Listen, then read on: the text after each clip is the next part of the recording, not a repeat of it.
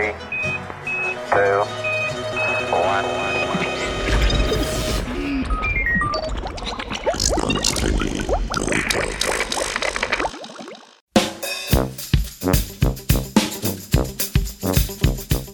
Angliška-avstralska raziskovalna skupina je v znanstveni reviji Nature Communications objavila izsledke raziskave o povezavi med telesno maso in razlikami v lastnostih bioloških spolov, ki bi lahko vplivali na učinke zdravljenja.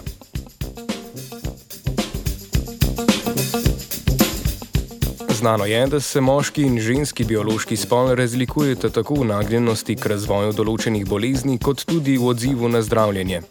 Veliko manj pa vemo, kako zdravila specifično vplivajo na osebe ženskega spola, saj predklinične raziskave zdravil tradicionalno potekajo izključno na živalskih samcih.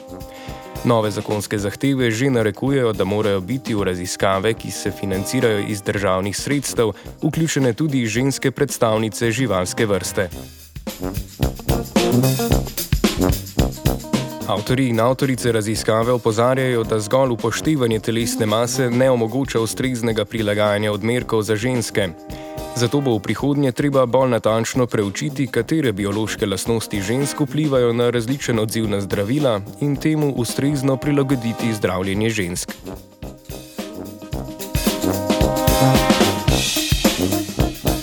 Boj za pravice žensk znotraj in izven laboratorija vsak dan bije tudi Andreja. Three, two, one.